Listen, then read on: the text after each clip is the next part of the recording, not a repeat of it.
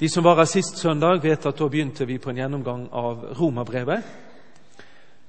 Eh, hvis du har tilgang til Internett, så finner du, eh, kan du både høre og kanskje lese talen der òg, sånn at du er à jour. Vi skal i vår altså gå gjennom de seks første kapitlene av Romerbrevet. Av og til det, kan man høre det at du kan lese Bibelen på mange forskjellige måter. Du kan lese det som en flyreise, der du bare blar fort igjennom, får et raskt overblikk. Andre ganger så er det som en biltur. Det er masse svinger og høyder og dal og mange ting som du skal igjennom. Det går fortsatt litt fort. Så går det også an å rusle som en fottur gjennom Bibelen. På mange måter er det det vi gjør nå. Stanser opp ved ulike sider av romerbrevet. Noen steder der eh, tar vi frem matpakken, og så tygger vi ekstra godt på det som vi finner der. Så kanskje ha det siktet når du nå denne våren skal eh, gå en langsom pilegrimstur sammen med oss gjennom romerbrevet. Thomas sa også så fint sist gang at dette er et utrolig viktig brev. Luther han eh, var så ivrig at han mente at enhver kristen burde kunne dette brevet utenat. Er det noen som kan det utenat? Nei, det blir nesten for pinlig å ta en sånn undersøkelse. Om ikke vi kan det utenat, så skal vi prøve å gripe hovedtanken i det.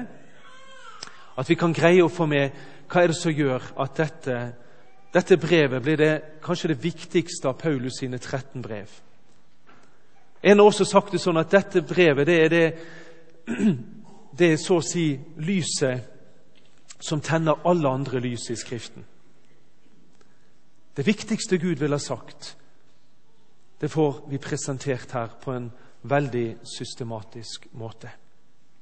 I dag er vi kommet til eh, vers 8 i kapittel 1. Det gikk også ut en eh, ikke befaling, men en anmodning sist gang, anbefaling om å ha med seg Bibel til eh, disse gudstjenestene. Det kan man jo ha hele året. Hvis noen trenger det, så har vi en fem, seks, sju stykker bak i salen. Vi leser fra vers 8 til 17. Overskriften er 'Paulus vil gjerne besøke Roma'. Først av alt takker jeg min Gud ved Jesus Kristus for dere alle. For i hele verden ble det talt om deres tro. Gud selv som jeg tjener av hele mitt hjerte ved å forkynne evangeliet om Hans Sønn, er mitt vitne på at jeg stadig nevner dere i mine bønner. Jeg ber om at det endelig en gang må lage seg slik at jeg kan komme til dere, om Gud vil. For jeg lengter etter å se dere, så jeg kan gi dere del i en åndens gave for å styrke dere. Eller rettere sagt sammen skal både jeg og dere få nytt mot ved den tro som vi har felles.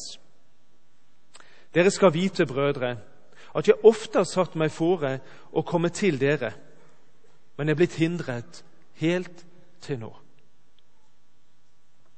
Også hos dere vil jeg gjerne høste frukt av mitt arbeid, liksom blant de andre folkeslag. For jeg står i gjeld, både til lærd, både til greker og andre folkeslag, til lærd og ulærd Derfor er det jeg ønsker å forkynne evangeliet også for dere i Roma. For jeg skammer meg ikke over evangeliet. Det er en Guds kraft til frelse for alle som tror. Jøde først, og så greker. For i det åpenbares Guds rettferdighet, av tro og til tro, slik det står skrevet, den rettferdige skal leve ved tro. Ja, Hellige Far, hellige du oss i sannheten. Ditt ord er sannhet. Amen. Sist gang så hørte vi fra disse hilsningsordene to ord som ofte opererer sammen hos Paulus. Han har denne hilsningen nåde og fred. I dag så møter vi to andre parhester. Vi møter ordet takk og bønn. Og Hvis du har lest litt våkent i Nytestamentet, så vil du se at Paulus ofte begynner brevene på den måten, med et innslag av takk og bønn. I Filippabrevet sier han så ofte som jeg tenker på dere, så må jeg takke for dere og be for dere. Hva om det var du som ble møtt med en sånn hilsen? Hver gang jeg tenker på deg, hver gang jeg hører navnet ditt, så må jeg takke Gud. Og så får jeg en trang til å be for deg. Har du fått en sånn hilsen noen gang? Et menneske som har kommet bort, kanskje et vilt fremmed menneske, og som har sagt det, 'Vet du hva, jeg takker Gud for deg.' Og jeg ber til Gud for deg. Det var Rett før jul så møtte jeg en dame fra Salem borte på Rema. Og Helt uten at det var en del av samtalen, så kom hun og sa du, vi er noen som ber for dere og takker for dere i Frikirken. Helt uten grunn og kjente at det gjorde veldig godt å høre det. Og Det får meg også til å minne om det som skjedde for mange år siden når vi holdt til nede i gamlekirken vår nede i Sundlandsveien. Så hadde vi en, vi en indisk, hadde vi en indisk familiemenigheten som fikk besøk av generalsekretæren i Friends Missionary Prayer Band. Litt av et navn. Som siden har den kontakten som har ført til St. Thomas School og det er støtten som vinner er inne der. Patrick Joshua, en liten, flott inder. Og Der spør han husker jeg enda på et formiddagsbønnemøte. Så står han og Thomas der, og de har snakket sammen. og Patrick Joshua kommer der og sier Can we be prayer partners? Can we be prayer partners with you? Og Så forteller han at de har 1300 bønnegrupper som gjerne har lyst til å be for Trondheim og Trondheim frikirke. Rører det ved ditt hjerte? Mennesker som aldri har møtt oss, og så kommer de og spør Can we be prayer partners. Ville du ha sagt nei? Nei, vi trenger ikke det. Det rørte noe ved hjertene. Og når Thomas og Patrick Joshua rekker hverandre hendene, så brister de i gråt, begge to. De står der voksne karene og hulkegråter. Og Begge to kjente Guds ånd kom over dem. Og Jeg tror der og da så smeltet det sammen. Et bånd knyttet til India og St. Thomas School, som er der fortsatt. Blant annet fordi at noen spurte Can we be prayer partners. Vi takker for dere, vi ber for dere. Først av alt, sier han. Det handler om prioritering, ikke det? Det som du setter først, det, farge, det fargelegger ditt liv. Hvis du lar takken og bønnen være helt fremst i ditt liv, tror du det vil farge ditt liv? Tror du det vil farge ditt sinn? Din holdning til andre mennesker? Hvis du starter med takk og med bønn? Først av alt, sier han. For det var masse Paulus skulle gjøre. Det er masse du skal gjøre. Det er masse du kan være opptatt av. Men først av alt er det takk. Er det det takknemlige sinn? Eller er det akk og ved? Av og til er jeg redd for at det ligger hakket foran. Hakket foran takk. Det takknemlige sinn er det produktive sinn. Det sprer glede rundt seg. Har ikke du merket det sjøl? Å møte et takknemlig menneske det er utrolig godt. Og så blir vi skamfulle sjøl når vi merker på vår, hvor selvfølgelig vi tar de fleste ting. Det takknemlige sinn. Et hjerte og et sinn som gleder Gud. Og det sprer en velduft rundt seg.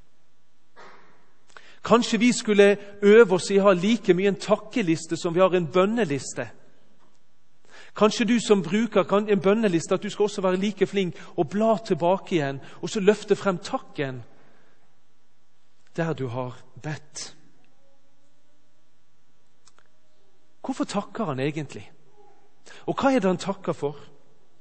Jo, han har hørt om deres tro. Og det står i hele verden, unntatt Norge og et par andre steder. Hele verden Romerriket den gangen. Hva sier det? Jo, det sier noe om det at en tro som lever, den vil bli lagt merke til. En menighet som lever, som lever nær til Gud, som står plantet i evangeliet, og som går med evangeliet, vil bli lagt merke til. Kanskje negativt, noen vil irritere seg over det. Kanskje litt sånn likegyldig av andre, men den vil bli lagt merke til. Vår oppgave er ikke hvordan vi blir lagt merke til, men å være helt hos Kristus. Og Det må vi være klar over, at du og jeg, og vi som menighet, vi vil være denne verdens bibel. Vi, vil være, vi må regne med at vi vil bli lest av mennesker rundt oss. Det går mennesker forbi denne kirken, også kanskje denne formiddagen. Drosjesjåfører som går ut og inn her, og som lurer på hvem er de gærningene der inne. Hva er det de finner på der inne i denne kirken? Hva er det som får de til å komme her hver søndag? Men jeg skal også fortelle deg at det kommer til å være en gåte for dem helt inn til de møter en av oss som sier Har du lyst til å komme inn? Har du lyst til å bli med? Kan jeg få invitere deg på alfakurs?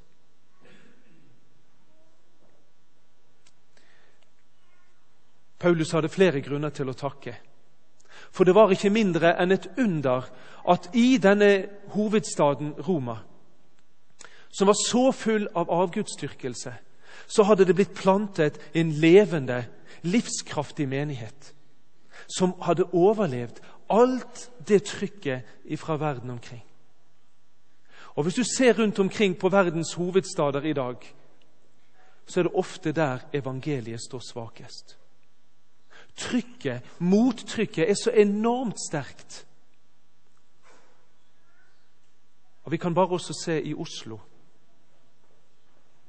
Kanskje et av de stedene det tøffest å drive kristen menighet i vårt land. Er det flere grunner til han takker? Og Jeg tror også han takker fordi han dypest vet det er Guds menighet i Roma. Det er ikke min menighet. Det er ikke Peters menighet, det er ikke Jakobs menighet. Ingen av de hadde vært med å plante den heller. Men det er Guds menighet. Den hellige ånd bor i sin menighet. Og det fylte han med en sånn utrolig takknemlighet og glede. Og Hadde vi fått brev fra Paulus, så ville han også takket for Trondheim frikirke. For han vet at denne menigheten, det er Guds menighet. Guds ånd bor i den. Og han vet at nettopp hans menighet, der de er, er verdens håp. Men han gjør noe mer. Han takker, og han ber. Det er akkurat som at takk og bønn, det hører sammen. Takk uten bønn, det blir noe mangelfullt. Bønn uten takk blir også noe mangelfullt. Og så står det her stadig nevner jeg i dere mine bønner. Kan du si det om mennesker du kjenner? Jeg nevner deg stadig i mine bønner. Hva er det Paulus gjør her? Jo, han praktiserer det han sjøl har skrevet, eller skriver seinere i 1. Tessalonika-brev 5,17. Be stadig. Be uavlatelig, som det sto. Eller be til enhver tid. Vær i bønn, og vær en bønn.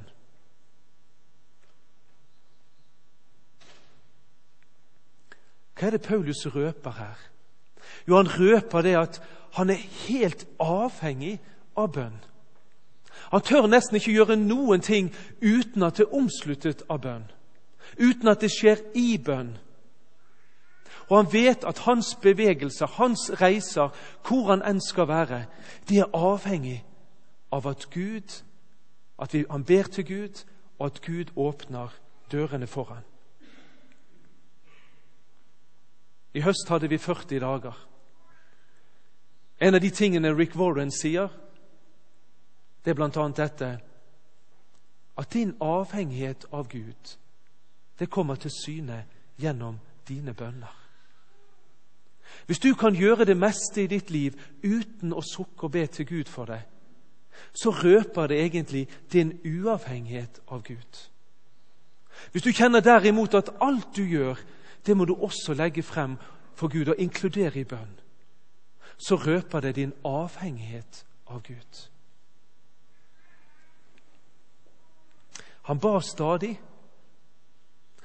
Og Har ikke mange av oss også noe av det samme? At du kjenner det at det er noen som alltid ligger på mitt hjerte. Og Jeg tror mange av dere har sånne. Du har ett eller to eller tre mennesker som du kjenner Gud tar det aldri fra deg. De menneskene ligger på ditt hjerte stadig vekk. Kanskje er det kollegaer, kanskje er det et familiemedlem. Kanskje er det stedet der du bor. Kanskje bor du på en institusjon. Kanskje kjenner du at de menneskene der, de skal jeg Jeg skal få lov til å være den som øser disse ut for Gud. Aldri undervurder betydningen av dine bønner. For din egen del og for dine omgivelser. Hva ber han om? Hva ber han om for menigheten i Roma? Jo, han ber veldig konkret. Han ber om å få se dem. Han ber om å få komme dit. Når han skriver, så vet vi at han er i fangenskap i Korint. Det er ikke så lange biten over til Roma. Men han vet også han kan bare komme dit hvis Gud vil det. Han ber om det. Ber du konkret? Ber du så konkret som det? At du etterpå kan kjenne etter har jeg blitt hørt eller ikke. Ble Paulus bønnhørt? Ja. Ble han bønnhørt på den måten han trodde? Nei. Det ble ingen cruisetur til Roma. Han ble sendt med et slaveskip, fangetransport, nesten 300 stykker, som ender med et forlis. Det var en forferdelig tur.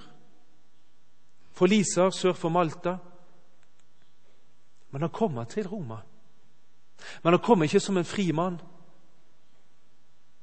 Han kom i lenker, men han kom dit. Gud lot han komme dit.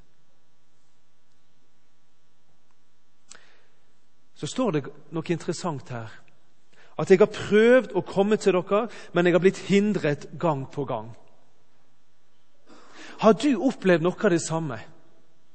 Ja, jeg tror det er noen her som har opplevd det. At du kjenner at det er et eller annet du brenner for. Å Gud, send meg dit. La meg få gå inn i den tjenesten der. Det er det jeg drømmer om. Så kjenner du det er ingen dør som åpnes. Det virker helt stengt. Og du kjenner det vokser frem en skuffelse over Gud, en irritasjon over Gud. Er ikke jeg viktig for deg, Gud? Betyr det ingenting, det jeg drømmer om? Ser du ikke Gud? Jeg ønsker å tjene deg, jeg ønsker å komme til Roma. Det er mitt fremste ønske, Gud. Hvorfor skal du hindre meg? Det skjer flere ganger i Paulus sitt liv. Apostelens gjerninger, kapittel 16. Han, å, han er i Lille Asia, ønsker å komme nord til Svartehavet. Antagelig ikke få ta seg en dukkert. Han har en iver for Gud, en iver for Guds rike. Og Istedenfor å sende han nordover der, så sender Gud han vestover. En drøm. Kom over til Filippi. Kom over og hjelp oss. Og så er dette noe av gåtene i Guds rike. Gud, når vi synes at vi har de beste ønsker, de beste intensjoner Vi ønsker det beste for ditt rike. Hvorfor er da dine veier så annerledes enn våre veier? Jesaja 55.: Mine veier, mine tanker er høyere enn deres veier. Jeg er helt sikker på at Paulus mange en dag fikk søvnproblemer. Måtte gå ut om kveld, rusle kanskje på taket i måneskinn og så spørre Gud hvor er du? Hvor blir det av bønnesvaret, Gud? Jeg har jo så lyst. Hvorfor sender du meg ikke til Roma? Jeg føler jeg har noe å utrette der. Og så kjenner du kanskje på det samme. Og så kan vi kanskje havne i den grøften som Naaman holdt på å havne i. Naaman, denne syriske offiseren, som vi kan lese om i andre kongebok, kapittel 5. Han som ble grepet av spedalskhet. Og så får han et tips. Dra til profeten i Israel. Han drar dit med masse vogner, ti vogner er det vel han har med seg, og tenker at han skal gjøre inntrykk. Oppsøker kongen, får beskjed 'Jeg kan ikke hjelpe deg'. 'Dette er bare en felle dere legger for meg.' Og så får han innkalling av profeten. Og Så forventer han at profeten skal komme ut av han. Men han sender bare ut en tjenestegutt. Åpner så vidt på døren og sier, 'Du skal gå i elven Jordan.' Dukker deg under sju ganger, så skal du bli frisk. God tur. Husk å ta med håndkle. Ja, Det siste står ikke, men antagelig hørte det med. Hvordan reagerte Naaman? Han ble flyende sint. Han ble så sint at han gikk på veggene eller på teltet eller hva det var han hadde å gå på, at han hadde bare lyst til å stikke unna. Bare dra hjem igjen. Og Så forteller han i møte med tjeneren sin hva han egentlig hadde trodd. Jeg trodde da at profeten ville komme ut til meg, en velholden mann. At han ville stå foran meg, påkalle himmelens Gud og føre hånden frem og tilbake over det syke stedet, og så kunne bli helbredet. Han hadde klar formening om hvordan svaret skulle være. Og så er spørsmålet har du svaret klart når du ber til Gud? Er det derfor du kanskje ikke alltid legger merke til bønnesvaret? Fordi at det skjer ikke på den måten du hadde tenkt? Våger du ganske enkelt når du ber til Gud, og så overlate tid og sted og måte for svar helt og holden til Gud? Tenk, svaret var så enkelt. Svaret Gud gir, er ofte så naturlig. Nesten overraskende.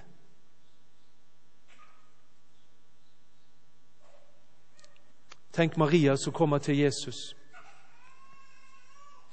Bryllup i Kanaan. De har ikke mer vin. Så sier han nesten litt irritert, 'Kvinne, hva har du med meg å gjøre?'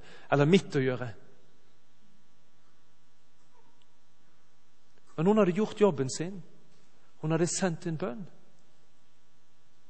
Men svaret det var ikke at Jesus sendte ut masse folk til å kjøpe inn ekstra bryllupsvin.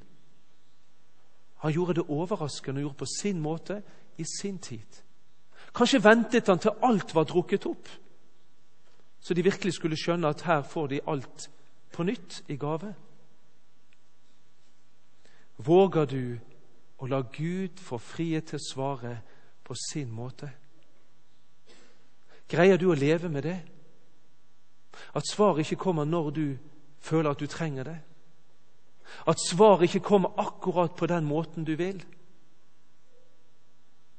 Men at det er svar underveis. Kan du leve med det? Paulus hadde sikkert mange runder med Gud. Kanskje må du også ha det. Og så ser vi at all hans takk og all hans bønn den samles i ett navn. For alt dette gjør han ved Jesus Kristus. Der ligger all grunn til takk. Der ligger alt håp for våre bønner. Der ligger alle muligheter som gir meg adgang inn til Faderen, nemlig gjennom Jesu navn. Det er den veldige døråpneren inn til Faderens hjerte. Og Her er ikke det snakk om magi. At du bare skal avslutte din bønn med 'i Jesu navn'. Men det at din bønn mer og mer skal få lov til å smeltes sammen med Jesu vilje. Hos Han ligger alle Guds gaver. Alle muligheter for å be, all grunn til takk. Så sier Paulus enda noe mer her. Han sier det at Gud som jeg sjøl tjener av hele mitt hjerte, han er vitne. Paulus er klar over at nok er det er enhver kristne kalt til. Ikke bare han som apostel, men du og jeg. Det å være en Jesu Kristi tjener. Har vi 315 medlemmer i Trondheim frikirke, så har vi 315 tjenere. Det er ingen som er unntatt. Og Hvis du tenker at det må være et unntak for deg, så tar du feil. Men hva du skal tjene, hvordan du skal tjene, det er det stor variasjon. Kanskje skal du tjene uten å løfte en finger. Kanskje skal du tjene bare ved å be. Kanskje har du en oppmuntringstjeneste. Ikke vet jeg hva din nådegave er. Men vær bevisst du også en Jesu Kristi tjener. Og det er ingen aldersgrense for dette i Guds rike. Ingen av dere er for gamle til det. Ingen av dere er for unge til det. Hver enkelt er kalt til å være en Jesu Kristi tjener. Ja, men jeg har det så travelt. Ja, Det kan godt være. Men du er kalt til å være en Jesu Kristi tjener. Og Så får det være litt av ditt kall og din utfordring å finne ut hva er dine gaver. Hvor skal du få tjene best? Hva er det du kjenner du brenner for? Men søk å få den holdningen. Hvordan kan jeg tjene Guds rike gjennom denne menigheten? Så står det her 'av hele mitt hjerte', sier han. Det er veldig lett å tjene halvhjertet. Ja, ja, jeg kan jo alltids gjøre det. Herren vil vi skal være helhjertet. Ikke det delte hjertet, men det hele hjertet. At det du går inn i, skal du få lov til å kjenne derfor gå inn med all min kraft, med all min styrke, med all den nåde og visdom Gud gir.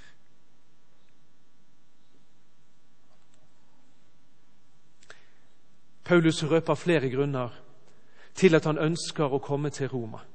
Han ønsker å dele med de flere av de gaver som han har kanskje bedt for folk andre steder. Gi de del i nådegavene. Kanskje de er ukjent med det, det vet vi ikke. Han sier ikke hva for nådegaver det er, men han ønsker å hjelpe dem, og den menigheten kan bygges opp, at den kan bli selvforsynt. At de kan lære å tjene Gud med de evner og de gaver som de har fått. Men så vet han at når han kommer sammen med dem, så kommer det til å skje enda mer enn dette. Den menigheten han takker og ber for, den menigheten skal også få oppleve den store glede. Når de møtes, så skal de få nytt mot. Opplevde Paulus det? Ja, det har vi. Siste kapittel i Apostelens gjerninger så står det der mens han kommer på veien inn til Roma, så kommer menigheten fra Roma på vei ut og møter han. Og så står det ganske enkelt at han fikk nytt mot da han så brødrene.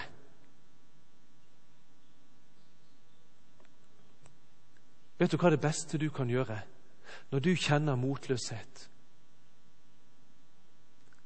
Det å søke sammen med brødre og søstre som bekjenner den samme Jesus Kristus som du.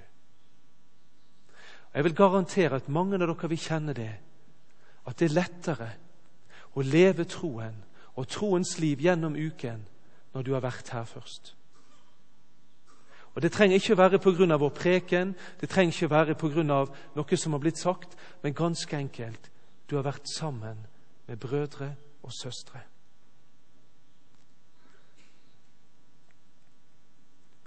Kjenner du at motet kan bli borte? Kjenner du av og til at motet forsvinner? Vet du, det er ikke så rart.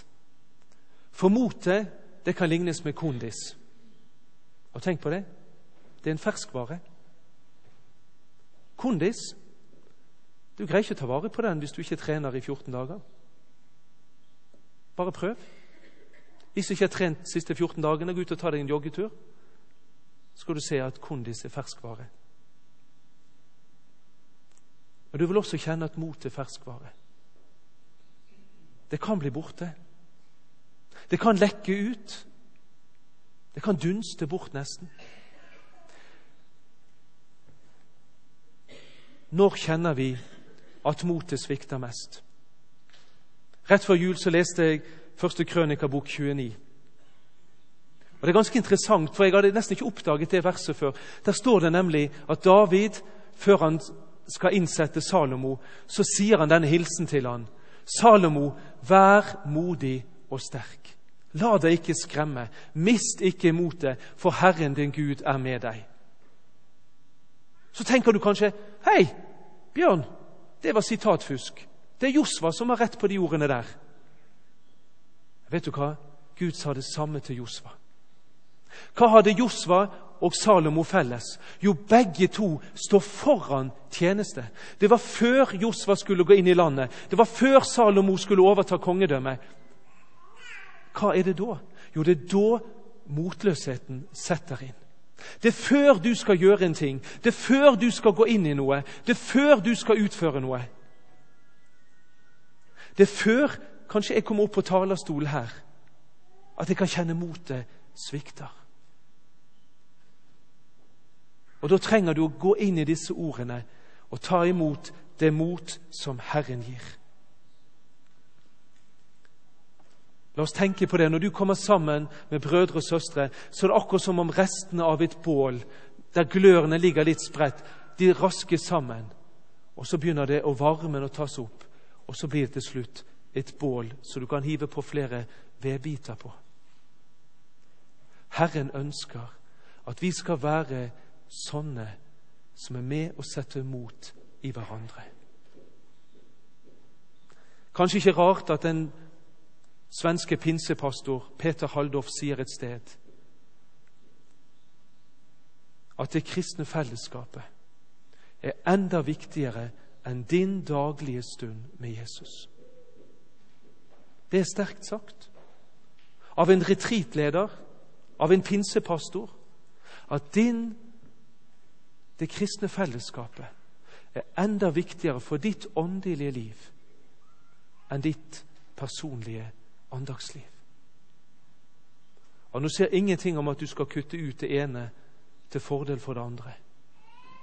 Men det er noe Gud vil gjøre i fellesskapet. Og Det kan være gudstjenestefellesskapet, det kan være husfellesskapet ditt, der Gud ønsker å sette mot i deg. Paulus røper enda mer for oss. Hvorfor i all verden var det så viktig for han å komme til Rom?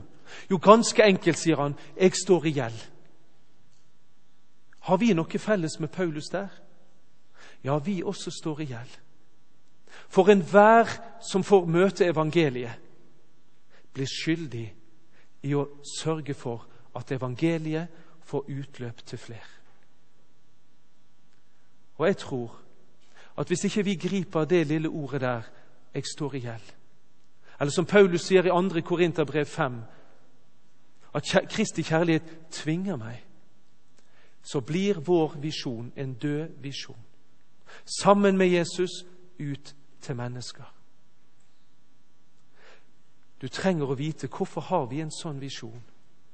Jo, fordi det er pålagt av Jesus. Guds hjerte for de menneskene som ikke tror på Han, trenger å berøre ditt og mitt hjerte. Og Derfor trenger vi at noen takker for oss og ber for oss at det må skje. Derfor trenger vi også gjennom fellesskapet å bli antent og kjenne det at, at dette også legges inn over meg. Og Derfor er det faktisk ikke bare en liten stab sitt ansvar å se om det går an i løpet av den kommende uken å invitere et menneske på familieskole. Invitere et menneske i ungdomsgruppen. Invitere et menneske inn i, en fell, i i en cellegruppe eller inn på alfafesten. Hele menigheten står i gjeld. fordi at du er privilegert. Evangeliet har kostet alt for Jesus, ingenting for deg. Den eneste måten vi kan betale, er at vi er med og gir det videre.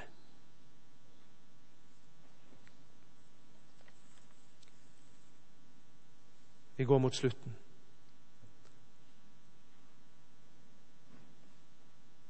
Kanskje nettopp her må vi også spørre hvorfor blir evangeliet ikke delt videre? Hvorfor holder jeg det så lett for meg sjøl? Hvorfor også etter at jeg har sagt dette, så er sjansen størst for at du på mandag ikke kommer til å snakke med dine kolleger om Jesus? Ikke kommer til å gi den lille brosjyren med invitasjon til en gratis middag neste tirsdag? Ikke kommer til å nevne et ord om familieskolen? Jeg trenger ikke være profet for å si det, for jeg kjenner meg sjøl så godt. Men dette kommer til å ligge, tror jeg, som en utfordring til deg og meg. For du og jeg kan nemlig bli fanget av det samme som Paulus sier at han ikke ville gi rom for, nemlig du kan kjenne skam av meg for evangeliet. Gjør du det? Er du flau over evangeliet? Skammer du deg for å si det til dine kollegaer? Ja, jeg tror på Jesus. Jeg var i kirken i går. Eller gjør du sånn som jeg gjorde? Jeg var student, satt og leste i Bibelen, og det kommer en liten jente sykler forbi og spør hva leser du? Jeg leser en bok. Vet du hva, hun var under ti år, og jeg tørde ikke å si at jeg leste i Bibelen. Jeg skammet meg. Av og til når jeg sitter på bussen og hvis jeg leser Bibelen, så er det akkurat som det kommer folk inn, så må jeg liksom skjerme litt eller når jeg satt på flyet i går fra Stavanger.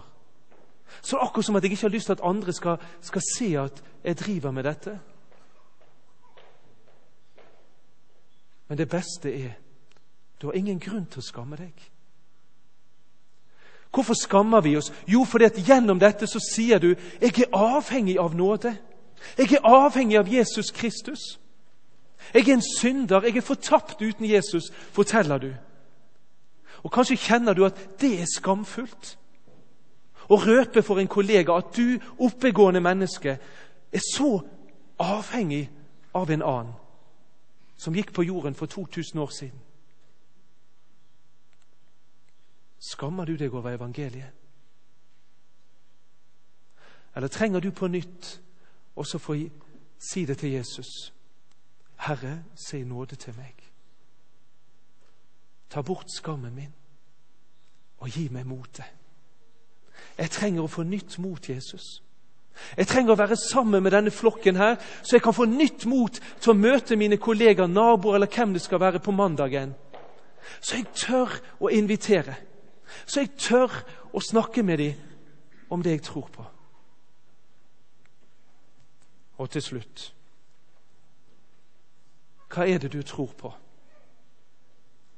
evangeliet, som er Guds kraft. Hva betyr det? Jo, dette evangeliet er så kraftfullt at det, når du leser det, når du hører det, når du tror på det, så skaper det et Guds barn av deg. Det virker, det det nevner. Og mer enn det det begynner å skape en forvandling i ditt liv. Hva er evangeliet? Jo, det står her, det som ble kjerneverset i Reformasjonen, vers 17, at i evangeliet så åpenbares Guds rettferdighet. Hva er det? Jo, det er ganske enkelt at du og jeg på grunn av Jesus Kristus kan få slettet all synd, all fortid, all dumhet, all synd. Så det ikke står en prikk igjen som forteller om din skyld. Alt er tatt opp på korset. Alt er spikret til Jesus. Når han sier 'fullbrakt', så betyr det jeg har tatt alle synder. Jeg har tatt alle slags synder. Jeg har tatt hele ditt liv. Det verste du kommer til å gjøre, det verste du har gjort, det verste du har sagt, det verste du har tenkt, det verste du har vært. Jeg har strøket ut. Jeg har tatt det på korset og i mine øyne står du ren og rettferdig, himmelen verdig. Vet du hva? Det er en rettferdighet du har blitt erklært. Tatt ifra rettssalen. Du har blitt erklært skyldfri på grunn av Jesus. Er det noe å takke for? Trenger du det? Gud vil at du skal gå med løftet hode. Kjenner du at det er ting som ikke er på plass i ditt liv, så legg det av her i dag. Han vil du skal gå med løftet hode, med renset samvittighet.